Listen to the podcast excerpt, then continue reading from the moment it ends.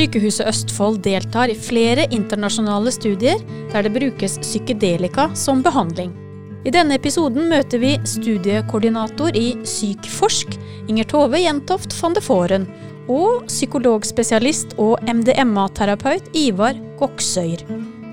Vi får høre om den banebrytende forskningen, og hvordan de bruker MDMA i behandling av depresjon og posttraumatisk stresslidelse. Hei og velkommen til podkasten Folk og fag i Sykehuset Østfold. Og vi har med oss Inger Tove Jentoft van de Foren og Ivar Goksøyr. Og det er kjempefint om dere kan presentere dere litt først. Inger Tove, hvem er du, og hva jobber du med? Eh, jeg er sykepleier og jobber i Sykehuset Østfold i 18 år nå. Har, eh, eller 19 faktisk, jobba med ulike ting. Veldig mange spennende ting. Og de siste fire og et halvt årene har jeg jobba på DPS Nordre eh, med forskning, vært eh, forskningskoordinator. Eh, jeg var med å starte opp Sykforsk, innovativ behandlingsforskning, som er et eh, tverrfaglig team som jobber med forskning, nye behandlingsformer, innovasjon. Og det er veldig spennende. Takk. Ivar, da, hvem er du, hva gjør du? Jo, jeg også syns det er veldig spennende det vi driver med, og jeg elsker å jobbe sammen med Inger Sove. Uh, og jeg er psykologspesialist i. Jeg jobber med terapi, spesialist i dybdepsykologi. Jeg driver en klinikk i Oslo sentrum, privat psykologklinikk, som heter Psykologvirke. Så jeg er for så vidt også medlem i, eller styremedlem i Norsk, Norsk forening for psykedelisk vitenskap. Og så er jeg psykologspesialist og forsker tilknytta Sykforsk. Riktig. Og sånn som jeg skjønner, jeg må jo få si det, at Stemmer det, eller? At dette her er banebrytende forskning i Norge? Det som dere gjør på Sykforsk? Ja, altså, det må vi kunne si. Det må være opp til andre å bedømme. Ja. nei, nei, nei, altså, det, det, er jo det. Altså, jeg tror ikke det er tvil i det. Altså, dette er jo et felt som på en måte har hatt en, en periode på 50-60-tallet, og senere også litt utover på 70-80-tallet, eh, der man drev forskning og brukte psykedeliske stoff eh, bl.a. i terapi. Um, men uh, feltet ble egentlig utsatt for en sensur, fordi det ble for miksa opp med motkultur og politikk kom inn i bildet. Mm. Så uh, vi har jo vært liksom de som har fått godkjent det første norske studiet på et psykedelisk stoff noensinne her i Norge. Så vi kan trygt si at det er banebrytende. Bra. Inger Tove, ja, kan du si noe om hvordan da forskninga kom i gang? Og da tenker jeg kanskje mest spesielt på det studiet som Ivar eh, og du gjør sammen på MDMA, assistert ja. Eh, psykoterapi. Ja. ja når starta dere opp det? Du, vi starta opp uh, like etter at Sykforsk starta opp, høsten 2018. Så fikk vi forespørsel om, uh, med Ole Andreassen, som er professor, leder Norment, som er, ledende i Norge på på eh, forskning på psykiske mentale lidelser, eh, fikk forespørsel om å se og vurdere samarbeid om en studie. Da hadde vi jobba i eh, fire-fem-seks måneder med en annen studie, en psilocybin-studie. Sånn at vi var litt kjent med forskning og hvordan man kommer seg i gang med dette her. Eh, vurderte dette her. Vi har en nysgjerrig og dristig avdelingssjef, Ingmar Klausen. Vi hadde Sykforsk-teamet, eh, som er tverrfaglig, består av oss her. En psykologspesialist, psykolog, eh, psykiater, akuttlege. Eh, og ønska og kjente at vi hadde lyst, kompetanse og eh, et stort ønske å gå videre med denne studien. Denne MDMA-studien den er eid fra USA. MAPS er sponsor og eier av studien, og nå skulle det da gjøres en europeisk studie på å forske på MDMA-assistert psykoterapi for personer med posttraumatisk stresslidelse. Som jeg skjønner, så måtte det en del runder med noe ja. forsøk på noe godkjenning og sånn ja. her. Det var ikke bare liksom å sette seg ned Nei. og så begynne å bestille dette stoffet på apoteket og så enkelt er det ikke. noen personer liksom fra bussholdeplassen. du, å gjennomføre forskning og gjennomføre kliniske studier generelt er ganske komplisert og vanskelig. Og det er mange søknadsprosesser. Det gjelder ikke bare når du skal jobbe med psykedeliske stoffer, men det er klart at en, en, dette her må være et transparent og et, et, et, et, system som er veldig grundig og nøye vurdert for godkjenninger. Det skal godkjennes først av Legemiddelverket i, i det, det, europeiske legemiddelverket. Så må en ha interessepersoner i det aktuelle landet, i Norge, om å gjennomføre dette her. Og så må det godkjennes i regional etisk komité.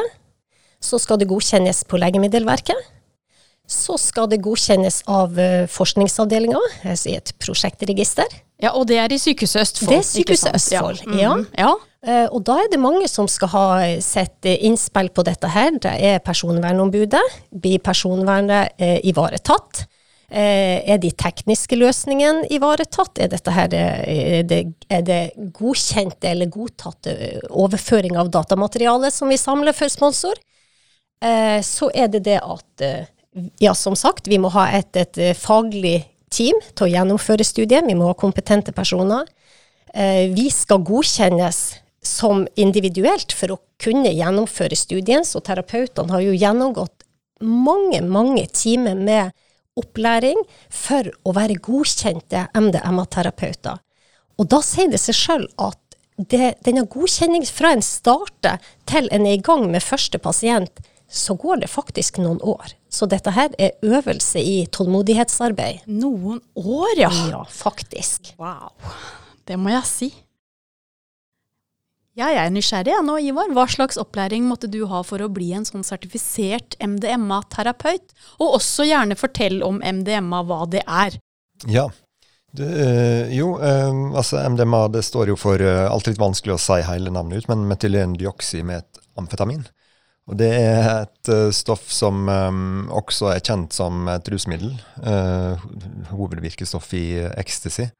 Uh, dette her er jo da et, en ren variant da, i kjent dose osv. Og, så og i, i noens øre så er jo det litt kontroversielt, men det er jo ikke noe nytt at legemiddel også kan misbrukes som rusmiddel. Og det er veldig sjelden at man eh, ofrer legemiddel av den grunn. Heldigvis så kan man få morfin på norske sykehus når du eh, opererer osv. Og, så og, og det er dit vi egentlig vil i psykisk helsevern også. Der er indikasjoner på at det er et stoff og en bevissthetstilstand som du kommer i, som kan være gunstig for å arbeide seg gjennom f.eks. traume.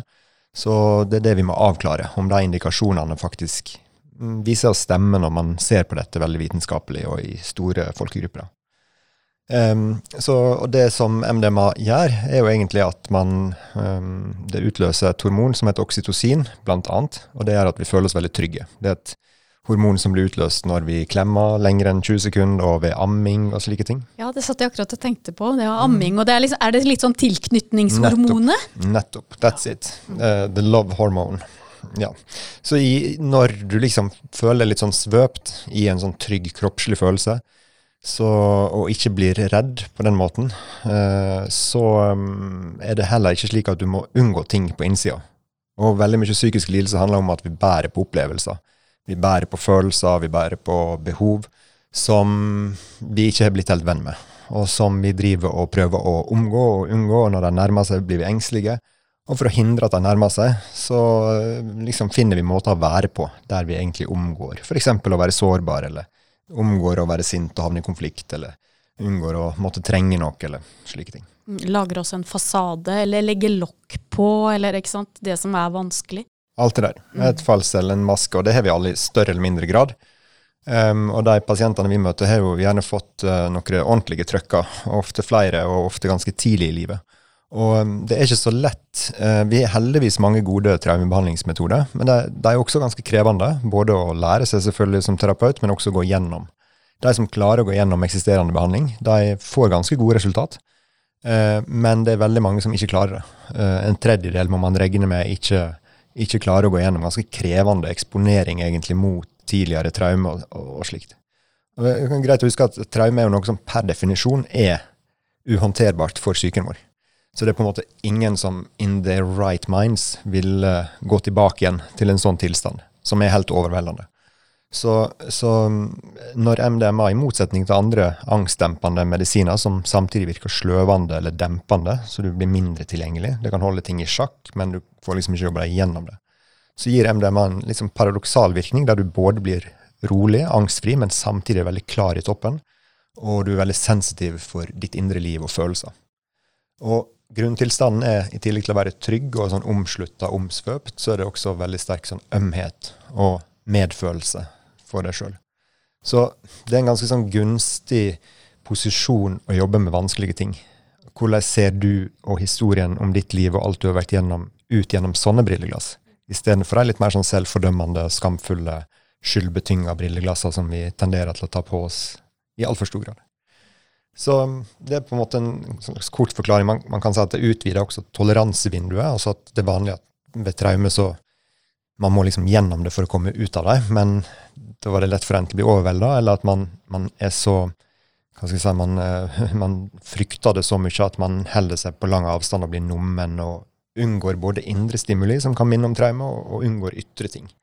Så en soldat uh, som kommer fra Afghanistan, lever som om han fortsatt var i krigssone, selv om uh, man bor her i byggefeltet der borte og skal på Esson. Så, så jobber liksom kroppen på gammel programvare. Og det var vel derfor man gjerne ville bruke, prøve ut, forske ut eh, på PTSD, da, posttraumatisk stresslidelse. Eksakt. Ja. Mm. Hvordan ble du opplært til jo. å gjøre dette i studien ja. som Sykehuset Østfold har? Nå, har vi jo, eh, er det jo, eh, vi har jo, det er jo leger og psykologer som er terapeuter i disse studiene. Eh, så vi har jo grunnopplæring, ikke sant, og vi har jo masse i, i bånn. I tillegg så har vi gått på kurs da, der vi har fått sett veldig mye video av terapiforløp. Der vi har sett video av pasienter som har fått MDMA, og vi følger dem liksom. Det er en hel uke der vi bare ser på video hele dagen. Og så I tillegg så har vi type rollespill, vi har veiledning. Eh, de første sakene vi har i studien, får vi veiledning på veldig tett. Um, og um, i tillegg så har vi også mulighet til å delta i en studie i USA, en godkjent studie, og, og motta MDMA-terapi sjøl som terapeut. Har du gjort det? Ja, det gjorde jeg har du mulighet til å dele noe ja, om, ja, om det? Altså, jo, altså, jeg bruker også skryt av at liksom, den første nordmannen som har reist til USA, har fått uh, eh, MDMA på statens regning. Det er jo noe å skryte av til barnebarna, tenker jeg, men de kommer sikkert ikke til å forstå noe av at det her var utilgjengelig før. og sånn. Ja, ja, ja. men, ja. Mm. Så det er litt vanskelig når folk spurte om, det var, om jeg var der for business or pleasure. ja, den! ja, den var fin. Ja, ja. Men, eh, nei, men det, for meg var det altså det var jo en erfaring som kom seint på en måte i eh, hva skal jeg si, interessen min for dette feltet. Jeg har jo jobba som psykolog i mange år. og det som har vært veldig fint for meg som psykolog, har jo vært altså, hva skal Man si, man har, jo alltid en drøm om å kunne være, utgjøre en forskjell og, og, hjelpe folk ut av lidelse og inn til frihet. ikke sant? Og det bunner jo alltid i at du tidlig i livet har vært utsatt for en del uh, lidelse, og du har sett foreldrene lide, og folk rundt deg lide, og du har lidd sjøl, og du har lyst til å få gjort noe med det. Um, og, og, så begynner du ut som psykolog. da, Det er veldig vanskelig. Det er jo det første du merker at shit, hva mm. skal jeg egentlig gjøre her? Og plutselig har du tatt på deg litt store sko. Akkurat sånn som du gjorde når du var barn og prøvde å ordne opp og, og sånt. da. Men etter hvert som du liksom får blitt bedre kjent med deg sjøl, du får arbeida litt gjennom din egen sårbarhet, du blir tryggere i deg sjøl, og i tillegg spesialiserer deg mer og mer på i psykoterapi så klarer du å nå flere, og nå dem dypere. Og det er så uh, tilfredsstillende, for det, det, er så viktig hvis du når én person, så når du også hele den familien. Og, og helinga har også betydning for generasjonene framover. Men da er det desto vondere med å bevitne alle de vi fortsatt ikke klarer å nå. Ikke sant? Fordi psyken er veldig rigid, den er veldig beskyttende overfor såra sine. Alle som har prøvd å liksom snakke med en person som sitter fast i noen forestilling om seg sjøl som en som ikke er elskbar, eller et eller annet, veit hvor vanskelig det er. Så, så, så, hele, så, derifra så er det liksom å se på hva, hva andre ting finnes det. Mm. Hva verktøy kan vi bruke, for vi trenger virkelig alle de verktøyene vi kan få i den kampen mot de kreftene som vil holde lidelsen i plass. da på plass. Ja, jeg er så enig, og det sier jo også nå eh, De siste åra med pandemi har jo gjort noe negativt for den psykiske folkehelsen. Ikke sant, bare det. Eh, sånn at det med at vi trenger verktøy, gode verktøy som virkelig kan hjelpe, er jeg så enig i. Ja. Virkelig, altså. Ja. Og, og så, så, så, bare for å liksom sånn så, når, når, disse psykedeliske stoffene og MDMA kommer opp, og det var en økende internasjonal trend i tillegg, der man begynte å plukke dem opp igjen og begynte å lese litteratur og sånn, så var det åpenbart at her ligger det noen muligheter. Der er også noen fallgruver, som med all annen behandling. Der er risikoer, og man skal være grundig og sånn, men der er åpenbare muligheter. Så det er jo liksom motivasjonen min inn i det. Og, og, men det også å få delta i en sånn studie og få opplæring, var, det ble jo for meg først og fremst en bekreftelse på at jeg er på rett vei i karrieren min, at det er riktig av meg å bruke disse årene nå av livet mitt og, og, og, gå inn på denne veien. Fordi det ble en veldig meningsfylt og terapeutisk opplevelse for meg, der jeg, der jeg fikk um, ble veldig styrka også i rollen som terapeut, vil jeg si. Og, um, så ja. flott. Så, og det, det, går an å si at jeg, Av og til så får jeg jo liksom kritiske spørsmål til det også. Hvordan kan du da forske på dette feltet og, og være objektiv, på en måte? Og at du har fått en, en bias, da, eller en skeivhet i vurderinga di. Det er klart at det er kanskje noe som ligger der. Det er derfor vi har også eh, vitenskapelige prosesser for å demme opp for slike ting. Eh, men jeg kan ikke si at det er en, en bias eller en skjevhet som eh, jeg lever veldig godt med, og det er kona mi og barna mine også. Ja. ja. men det er jo godt å høre. Og det er i hvert fall noe som både jeg og Inger Tove kjenner igjen fra vårt tidligere arbeid med personer med kronisk sykdom. Eh, at det er mye lettere å forstå. Hvis du selv har en kronisk sykdom, så er det mye lettere å gå inn og hjelpe andre du har liksom hatt de samme skoene på. Du har jo nå fått vært litt i pasientrollen sånn, og, og, og, brukt det verktøyet som du nå gir videre til andre. Og Det er det også en tradisjon for i psykoterapi som går litt i dybden, f.eks. psykodynamisk eller psykoanalytisk terapi. Så det er utenkelig at en uh, psykoanalytiker ikke skal ha gått gjennom behandlinga sjøl. Sammen med en meditasjonslærer eller en mindfulness-lærer som ikke har sin egen meditasjons- eller mindfulness-praksis, vil heller ikke ha troverdighet. Det, det, er litt annerledes med mer sånn symptomorienterte metoder som uh, kognitiv atferdsterapi. der det kan det lettere kanskje forsvares at man ikke har eh, vandra i de liksom, gatene sjøl, men når man går litt dypere ned i psyken, så tror jeg det er veldig viktig. Mm. Mm. Og, og, nå sitter jeg også her og lurer da veldig på hvordan dere gjør behandlingen rent praktisk når dere tar imot pasienter for behandling med MDMA. Er du noe med i det, Inger mm, Tove? Ja, ja. ja absolutt. Mm. Eh, du, vi eh, starter med eh, vi har, Jeg kan jo si at vi har fått nok litt hjelp fra media, som har vært nysgjerrig på dette her, eh, til å eh, Der vi har fått dele informasjon om studien. Der eh, artikler har kommet ut som Ivar og, og guttene hos oss i teamet har skrevet. Så dette her har kommet ut og hjulpet oss med rekrutteringa. Um, Rekruttering er alltid komplisert i, i kliniske studier. Eh, vi hadde ikke disse pasientene. Eh, samarbeidet med traumeteamet ved DPS i Moss. Samarbeid med informert og, og fastlegene i Østfold i forhold til studier og mulig rekruttering eller henvisninger. Eh, så blir vi kontakta av pasienter, pårørende, fastleger, andre nærstående på mail med spørsmål om deltakelse i studiet. Mange lever begrensa liv, stor, stort lidelsestrykk, dårlig livskvalitet. Og når de da hører om studien der det kan være mulighet for håp om ei framtid, så, så, henvender man seg. Så dere fikk fylt opp eh, plassene sånn ja, i, greit? Ganske mye. Eh, ja. Så det, jobben starter jo med at vi begynner med telefonscreening én til to telefonscreeninger. Hva betyr telefonscreening? Ja, det betyr, Si at jeg tar en telefon til en pasient, følg et standardskjema fra sponsor, som ja. er da eier av studien.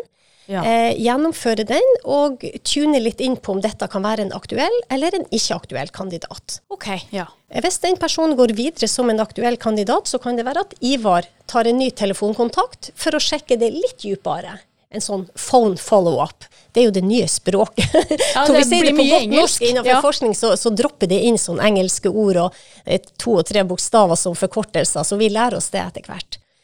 Eh, så hvis Ivar og teamet da vurderer om denne personen går videre, så kommer de for å signere et samtykke. Og for å delta i, i forskning så må en alltid samtykke, og det er et eh, standardskriv som sponsor. Og i dette tilfellet har vi vært så heldige at vi har fått vært med å, å utforme dette samtykket. Eh, på informasjon til aktuell deltaker om studien, eh, eier, hvordan man gjennomfører, hva som skal deles, hvilke data som samles, og at dette er frivillig. Og at de har lov til å trekke seg fra studien om de skulle ønske, uten å måtte oppgi grunn for hvordan de trekker seg. Og det har de lov til i hele prosessen. Så signerer deltaker, og da vurderes de videre. Det er veldig nøye eh, screening da. Altså de gjennomgår legeundersøkelse, EKG.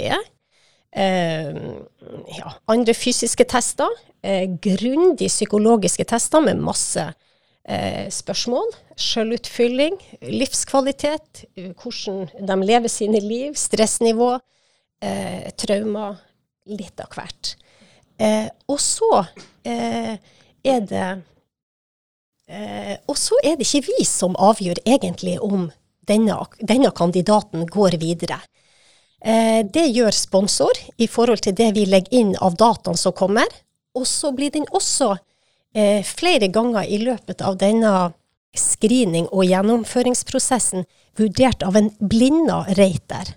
Altså Hva betyr det da? Ja, ja. Det er en, en, psykolog som sitter en eller annen plass i Norge, mm. eller flere psykologer, som har den funksjonen som en independent rater eh, som sitter rundt omkring i, i Norge, og så en eh, har et videomøte med deltakere der de gjør sine tester, og der det gjøres en score om de kvalifiserer for å gå videre. Virkelig grundig arbeid, Virkelig altså. grundig arbeid. Så, så, det kan gå eh, fra en melder sin interesse, da, så ja. kan det fort gå noen måneder bare for å avklare om man er aktuell, ja. som jeg skjønner det? Ja. ja. Mm. Så sånn sett så eh, har vi hatt Det er stor, det er stor interesse, og så smales det veldig, veldig inn. Og det er nok veldig mange som skulle ønske at de kunne deltatt, eller uh, mener sjøl, og gjerne vi òg kunne mene at de kvalifiserte for, for deltakelse, men der de har gått ut for at det ikke passa med det sponsor hadde i sin protokoll for gjennomføring som studiedeltaker. Ja, og det er jo mm. vanlig på forskningsstudier, skjønner jeg, at man må bare smalne inn, sånn at ja. Forskningsdataene blir Altså det som kommer ut av studien, da, blir eh, entydig. Mm. Forhåpentligvis. Ja. ja. Mm. Eh, jeg tenker også da, eh, Ivar, på hvordan dere gjør det praktisk når da personen er ferdig tatt inn og skal begynne i behandlingen. Ja. Eh, og da vil jeg si det sånn Walk me through it. på forskningsspråket. Ja, ja, ja. Men på, ta det selvfølgelig på norsk. Jeg kan ta det på, takk. Kan jeg ta det på dialekt? um, jo, altså først, jeg syns det er bra at vi, vi, har litt fokus på det med screening, uh, og også at du stiller det spørsmålet. fordi det er, jo, det er jo sånn at dette er jo ikke MDMA-behandling, det er MDMA-assistert psykoterapi eller samtaleterapi. da. Slik at MDMA er jo noe som folk får et par-tre ganger i løpet av en, et psykoterapiforløp. For å åpne opp, for å kunne framskynde, katalysere, fordype psykoterapeutiske prosesser. Så det vi begynner med, er jo uh, etter at vedkommende har blitt faktisk innrullert i studien, er liksom eh, å forberede vedkommende. Og begynne å, å, få kontakt med vedkommende. Og Begynne å danne det man kaller en terapeutisk arbeidsallianse, som er veldig avgjørende for utfall i psykoterapi. At man blir enige noenlunde om hvordan man skal jobbe sammen, hva målene skal være, og at man begynner å bygge det der mellommenneskelige båndet til hverandre. Og i tillegg forberede på liksom flight instructions, da, på en måte. Litt guiding. Hvordan er det ofte hjelpsomt å forholde seg når du går inn i en litt annen bevissthetstilstand. Hva skal liksom være uh, Ja. Og, det vi forbereder folk på da, det er, egentlig, det er veldig mye egentlig å mm, tillit, altså tillit til prosessen som naturlig vil utfolde seg. Fordi um, vi bærer jo på organismer som har utvikla seg gjennom millioner av år. Og kroppene våre, og organismene våre, de er veldig intelligente. De kan ordne opp i det meste, og de får med seg mye mer enn det vi med våre korte menneskeliv egentlig får med oss. Slik at veldig mye handler om å liksom sånn tre til side og slutte å prøve å løse et problem inni deg. Fordi det er egentlig ikke et problem i utgangspunktet. Um, du har vært gjennom ting, og så får du reaksjoner på det som blir holdt tilbake igjen. Så det vi ser i dyreverden f.eks., er at når et dyr har uh, vært i livsfare, i tigerens grep, men sluppet unna, så ligger dyret og rister i flere minutter før det liksom spretter videre. Og det ser vi på barn i bomberom også. De sitter der og rister, mens voksne i bomberom, de samme bomberommene har lært seg å overstyre kroppens naturlige måte å reagere.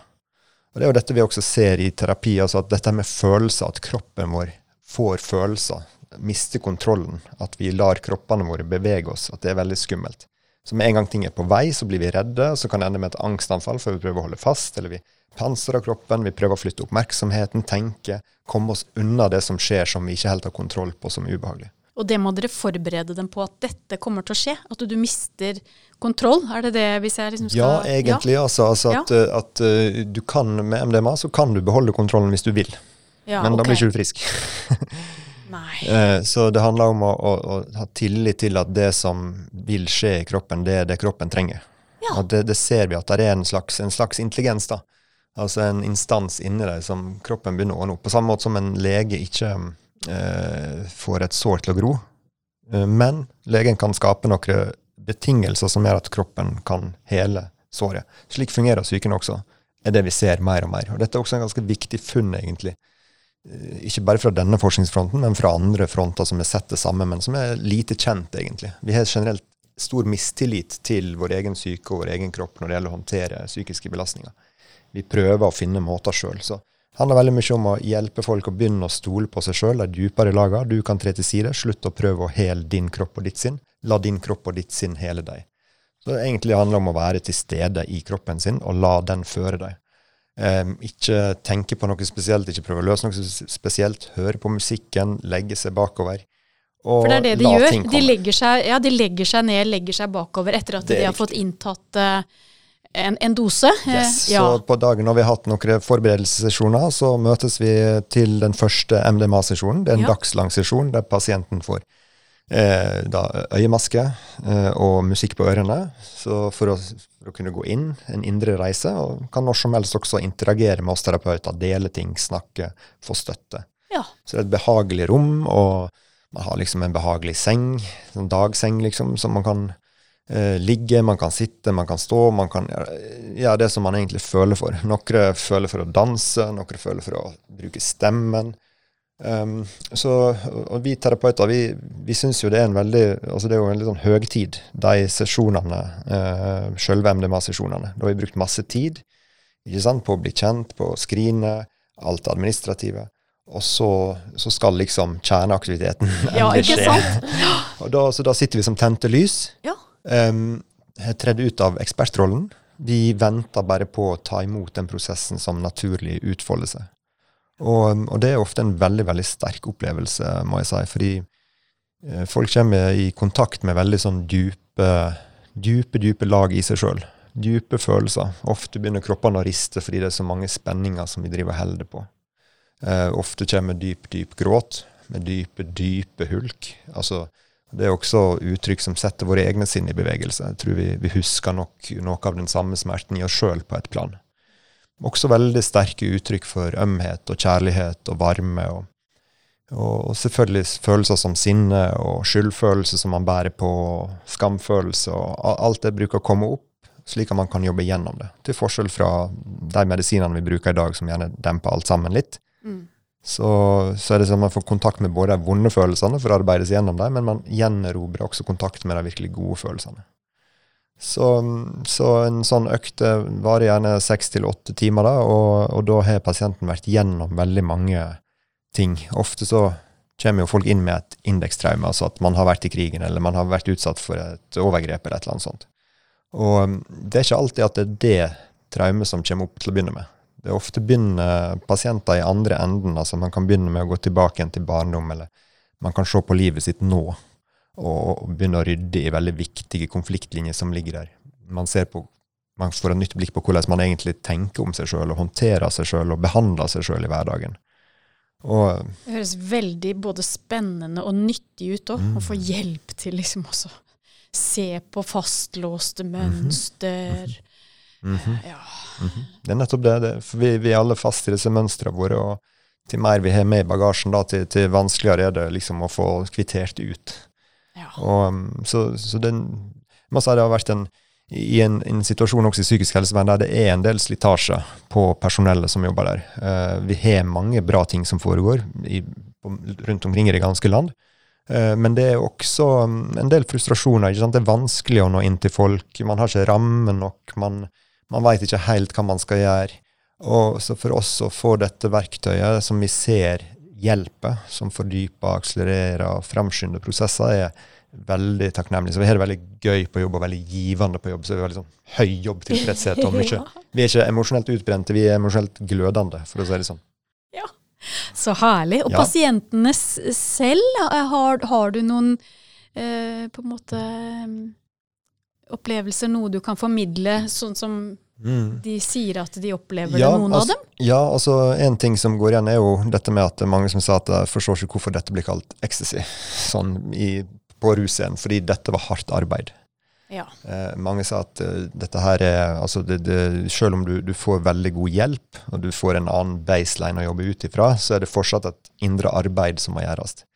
Uh, men jeg beskriver også som det ofte er godt vondt. at det, at det, er veldig vondt, og det er vanskelig, men det er også samtidig godt å få lov å begynne å jobbe med det, og begynne å få ut ting. og, mm.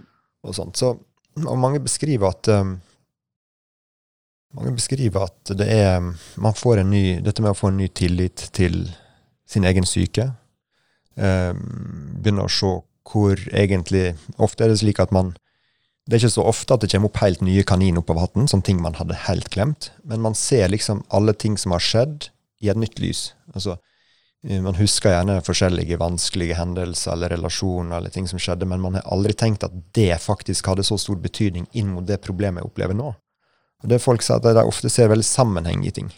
De kan se linker mellom tidlige relasjoner, tidlig forhold til foreldre og venner, og hvordan det har styrt liksom, livskursen deres.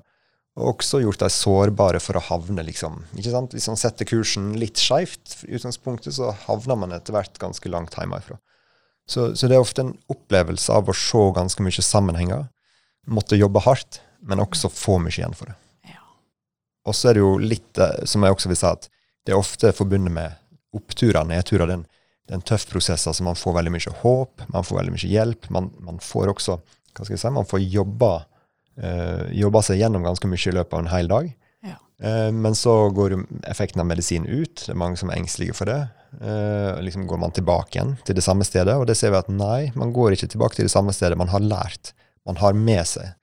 Oi, altså Det ser dere kanskje allerede etter én behandling? ja, tallene viser det. Det er ja, det, det raske, det. raske effekter. Samtidig så er det også slik at eh, man kan oppleve liksom, å få det veldig mye bedre, men så kan noen symptomer begynne å meldes igjen. Og det som vi prøver å lære folk, er at det ofte ikke handler om tilbakesteg, egentlig. Det handler heller om et steg innover.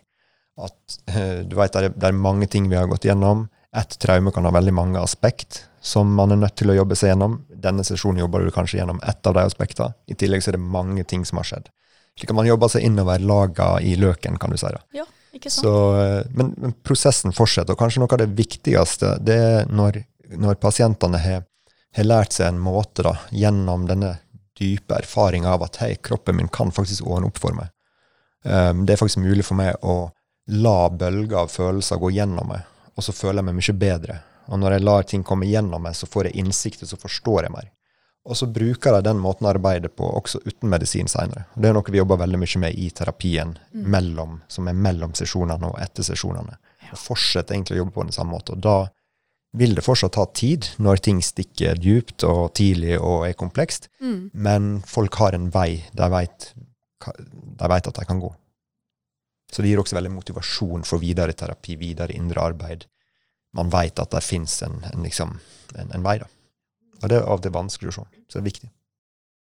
Jeg kan jo også si at det, det er ikke sånn at etter den, disse seks til åtte timene at vi sender pasienten hjem med buss. Eh, da vil de være på DPS i Mås til dagen etter. Så de er ivaretatt trygt og sikkert, i fred og ro og harmoni.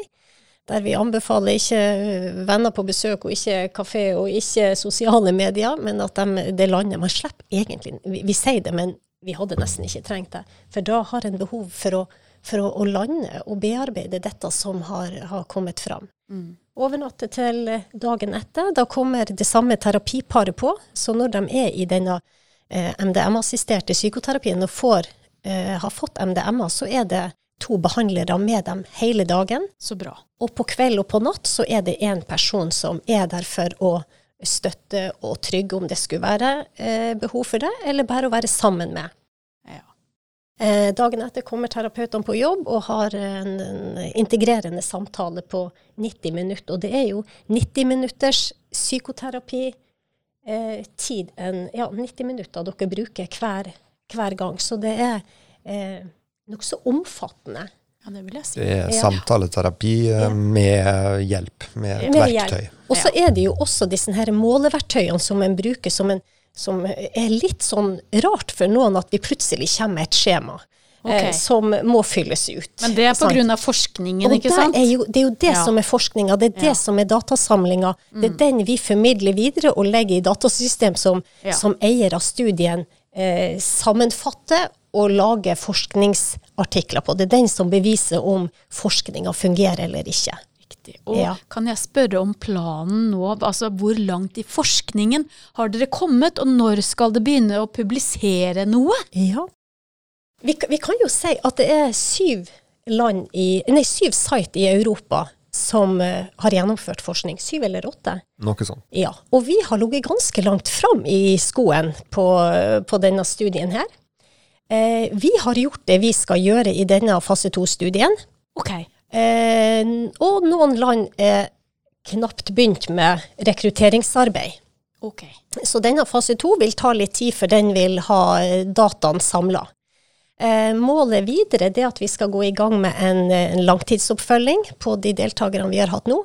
Å, så bra. Ja, Ja. og så er en allerede begynt å jobbe med en fase tre-studie.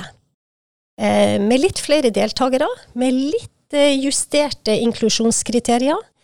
I, I Eh, Moss, altså? Ja da, i Moss. Du vet, det er veldig mye som skjer i Moss. det er det. Ja.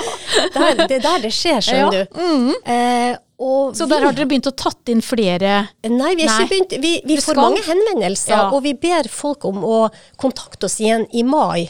i mai. Eh, sånn at da vet vi litt mer eh, i forhold til høstens aktivitet. Men Riktig. vi blir veldig overraska om det ikke blir godkjenninger. Nå har jeg jo fortalt om den, alt, alt som skal til for å få godkjent en studie. Ja. Men målet vårt er å gjennomføre eh, MDM, MDM-assistert psykoterapi for PTSD fase 3 til høsten. Ja. Eh, og en studie med MDMA for personer med eh, alvorlig depresjon. ja. Og så har vi som mål å få gjennomført en psilocybin-studie. Psilocybin er virkestoff i fleinsopp. Eh, en europeisk studie som, eh, som vi håper om å få gjennomført i 2022-2023. ja. Så det er veldig mye spennende på gang. Eh, så hvis godkjenninger går bra, og hvis vi fortsatt kvalifiserer for det, det er viktig at vi som, som de, fagspråket er site, at vi er en site, vi er et utprøversted. At vi vi ja. godkjennes til å fortsatt være eh, site. Og det, det har gått bra til nå. Vi har flotte lokaliteter for å kunne gjennomføre eh, studien. Mm. Mm. Nå har du snakket om bruken av MDMA eh, på helt lovlig vis, og dere henter jo stoffet ut fra sykehusapoteket. Men det kan jo være fare på ferde hvis man bruker det på annen måte. Kan du si noe mer om det, Ivar? Ja, takk for at du tar det opp. Det, det er også viktig for oss å komme med en, en slags disclaimer på det. Altså, for det første så er det jo stor forskjell på liksom de, de funnene vi får i denne studien, der vi forbereder folk, vi screener folk, screener folk ut som kan ha risikofaktorer for å ikke håndtere opplevelser så bra og sånn. Eh, Forbereder deg godt og har støtte underveis av trent personell, og vi følger deg opp i mellom øktene og i etterkant. Det er noe helt annet enn å gjøre dette på egen hånd. Og selv om det finnes anekdoter på at folk også har positive opplevelser når man gjør det på egen hånd, så er det også anekdoter på at man kan få opp ting som blir litt mye å håndtere, som gjør at det blir destabilisert, og at du får økte symptom. For det kan være ting som melder seg, og som prøver å komme gjennom, men så har du ikke kanskje den tilliten, da. Du klarer ikke å jobbe deg gjennom det. Og ofte trenger man noen andre der også for dyp heling. Det er en del heling man ikke klarer å gjøre helt alene også. Man trenger den der hånda å holde i, og, og noen som, som er der og med deg, liksom. Så det, det er viktig for oss. og vi er jo klar over at det er et dilemma på en måte i at eh, denne forskningsfronten kan også bidra til å måte, legitimere da rekreasjonsbruk og sånt, og det kan ha uheldige skadevirkninger. Så det er jo et dilemma man må liksom sette opp mot mulighetene som ligger her da, for å gi bedre behandling til folk som uh, sitter fast i lidelse. Så, um, og der, der tenker vi at eh, vi, vi er på trygg grunn av at det, det er riktig å gjøre denne forskninga, men det er også viktig at vi da formidler at det, det er forskjell på eh, MDMA-assistert terapi eh, i, på sykehuset i Moss og på å skulle gjøre det rekreasjonelt. Man kan ikke forvente eller håpe på de samme resultatene. og I tillegg så er det dette med at man vet ikke helt hva man får i seg, og det er, det er mange, mange flere farer forbundet med den type bruk. Da. Så. Kjempefint. Dette her var Jeg føler at vi kunne sittet og pratet i tre timer til, men da hadde det blitt en veldig lang episode. Jeg tenker at vi begynner å nærme oss avslutningen, så da vil jeg høre med deg, eh, Inger Tove. Um, hva tenker du er det viktigste at, uh, for ditt arbeid at lytterne kan ta med seg fra denne episoden? Jeg tenker at det er viktig å formidle at det foregår forskning. Eh, at eh, det jobbes med nye og kanskje bedre behandlingsformer. Det kan være med å fremme håp. Eh, og at, ja, at vi som fagpersoner ønsker at pasienter skal kunne få den beste behandlinga til enhver tid. Tusen takk, ja. Og Ivar, hva tenker du ut ifra ditt ståsted? Hva lytteren kan ta med seg som er noe av det viktigste som du har formidla til oss i dag? Jeg tror kanskje noe av det viktigste for det slik som jeg skjønt publikummet for denne podkasten, er jo liksom det at nå, den, dette er en stor internasjonal trend med forskning på disse stoffene. Det gir nytt håp for psykiatri eller psykisk helsevern. Det er lenge siden det skjedde så mye nytt. Og um, vi har allerede et sterkt etablert fagmiljø her i Moss. Og um, vi har også samarbeid med andre institusjoner og andre instanser, med Universitetet i Oslo, og det er flere ting som er på gang. Og at disse, både MDMA og også psilocybin har, en virkningsprofil som gjør at man kan anta at det kan virke for ganske mange flere lidelser enn bare PTSD og depresjoner, som vi også skal i gang med å se på. Så her er det muligheter for fagpersoner å, å slenge seg på. Så vi på Utkikk etter dette et veldig sånn tverrfaglig felt vi skal i gang med å se på fibromyalgi. Um, uh, vi kan uh, altså F.eks. dette er et felt der det er gjort en god del på det med psykososial stress og angst knyttet til livstruende sykdom, kreft osv. Ja. Slik at strekk dere ut. Vi er alltid på utkikk etter samarbeidspartnere, og det, det, er mye spennende man kan få gjort. Både legge en del akademiske gullegg, men ikke minst, da, som Inger Tove sier, egentlig tilføre nytt, nytt håp. Og, og jeg tror det er bare viktig at selv om dette har vært et kontroversielt felt en stund i fortida, så, så, ser vi nå at det går fra stigma til, til cutting edge. Og at uh, på et sånt felt som psykisk helsevern-feltet, som er i såpass sterkt behov for behandlingsutvikling, så må vi, den, et medmenneskelig imperativ og også en profesjonsplikt, å utforske alle lovende spor til det fulle. Og dette her er et av de mer lovende sporene som finnes, og samtidig det mest forsømte.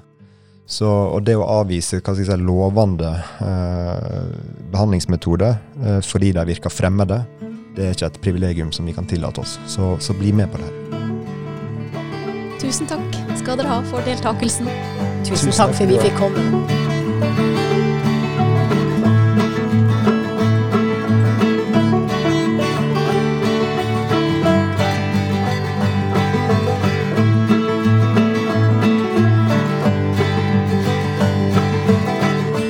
har nå hørt på Folk og fag, en podkast fra Sykehuset Østfold. Du finner oss på Spotify og Apple Music og mange andre steder hvor du kan høre podkast. Husk å følge oss for å få varsel når vi slipper nye episoder.